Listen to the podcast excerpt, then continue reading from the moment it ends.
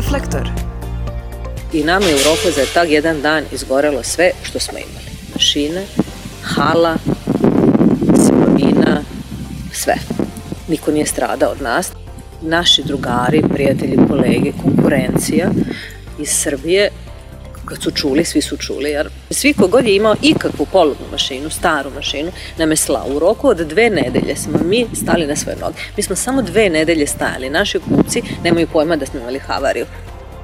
Iako su svi počeci uglavnom teški, ipak ne liče jedni druge, pa se razlikuju čak i po tome kako ih se sećamo. Tako i svi preduzetnici verovatno dobro pamte prve korake u preduzetništvu, a nakon godina rada, uspeha i neuspeha, svaka od tih priča o poslovnim počecima zvuči drugačije.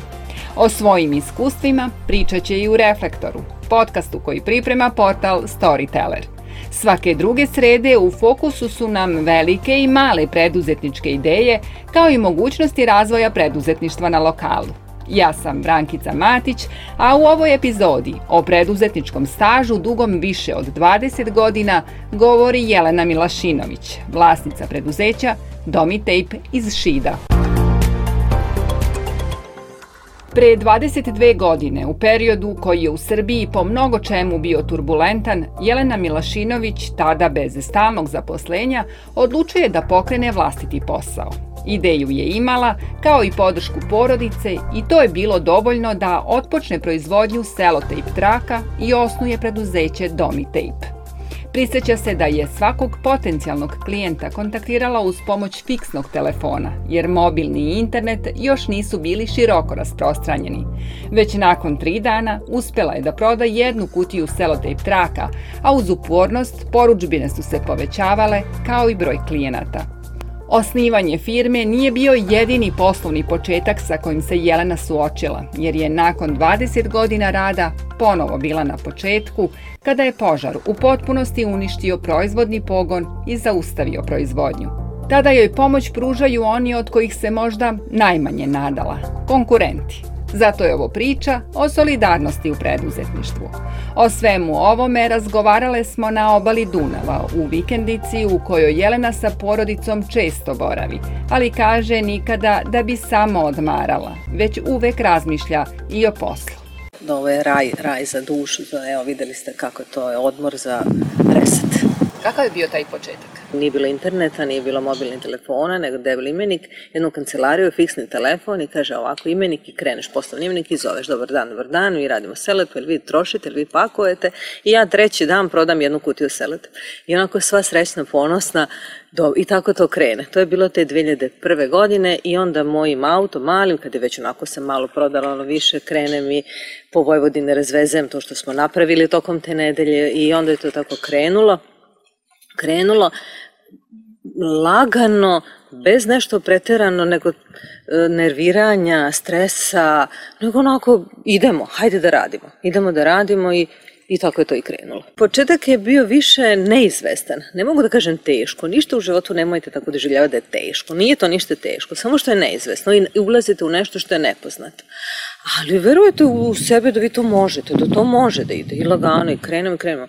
Ja, kupca do kupca, od kupca do kupca, krenuli smo prvo po Vojvodini, po Sremu, po to, tu što nam je blizu, što je blizu, ali mi iz, iz male sredine, sad treba da se predstaviš tamo nekom svetu, velikom svetu, ali to sam ja smatrala da mi to možemo. Da li smo bili mladi, pa smo mi to ne znam sada da ja objasnim kako smo mi to, ovaj, ali prosto nismo puno razmišljali kako ćemo, ja, mi to ne, ne, mi to možemo, idemo, krenemo i radimo posle svih tih godina rada i onda smo se širili i onda smo ovaj, jedna mašina, druga, treća i puno ljudi, tako smo zaokružili 2500 kupaca u Srbiji posle evo 22 godine. Sve, sve išlo nekako onako pravo školski, polagano, ne ekstremno veliko. Ja ne smatram da smo mi uradili neki posao, wow, da smo osvojili svet. Ne, ne, ne.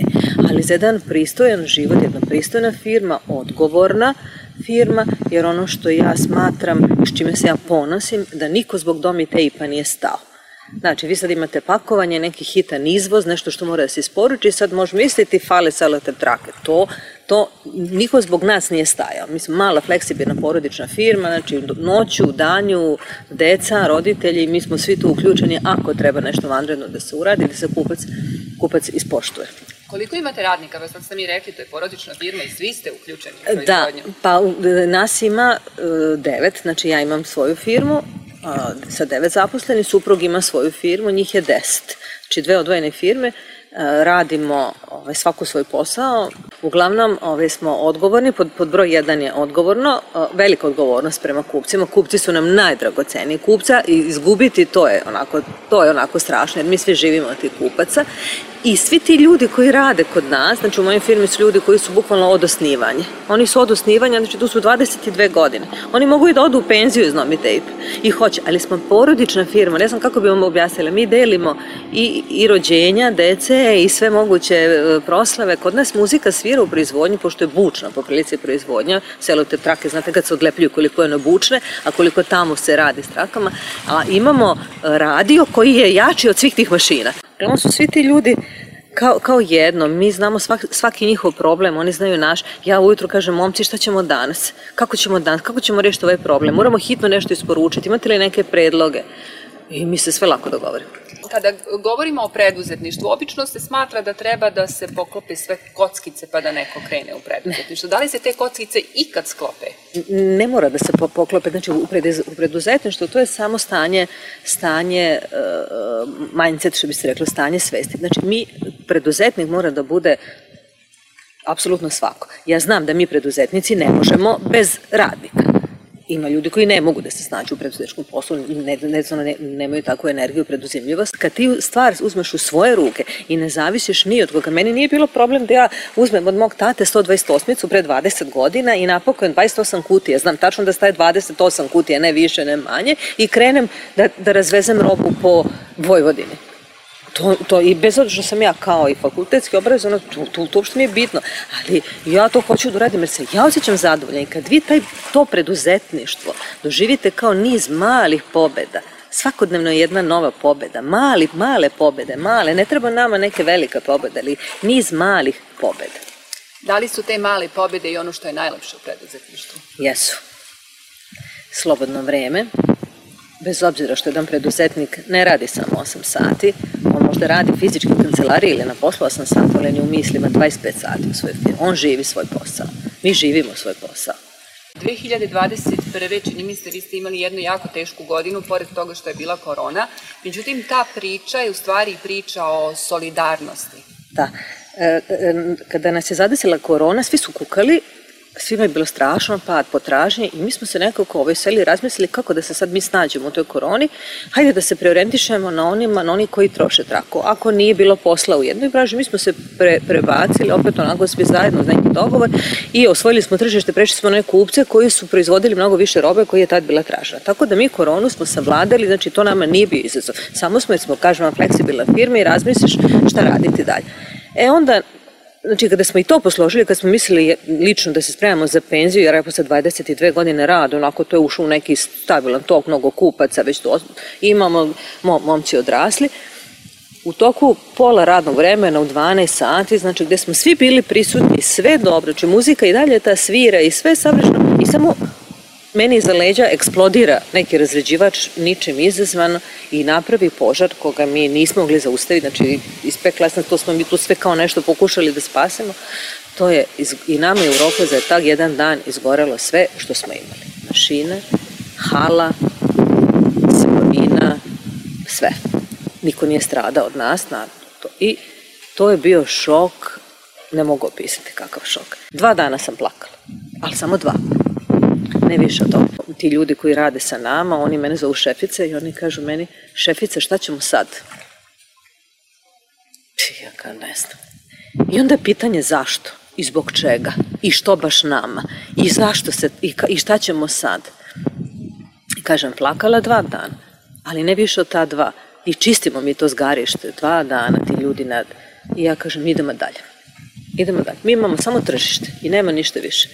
I naši drugari, prijatelji, kolege, konkurencija iz Srbije, kad su čuli, svi su čuli, jer ovaj, A verovatno smo mi bili njima dobri ranije, čim čim su nisi tako reagovali. Ne, ne znam šta bi ja sad rekla da je to čime su oni bili izazvani da mi nama pomognu. Znači, svi kogod je imao ikakvu polubnu mašinu, staru mašinu, nam je sla. U roku od dve nedelje smo mi stali na svoje noge. Mi smo samo dve nedelje stajali. Naši kupci nemaju pojma da smo imali havariju. Nemaju pojma.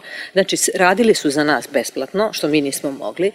E, iz, razvozili za na, našim kupcima našu robu, niko ništa nije uzeo da je sad iskoristio kao primer pa da je rekao je dom i tejp je stradao, sad ćemo mi da osvojimo tržište. Ne, ne, ne, ne, ne.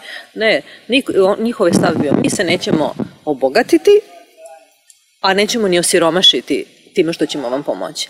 I oni su, kažem vam, znači mi smo imali za dve nedelje mašine i ušli u zakup i mi smo nastavili da radimo.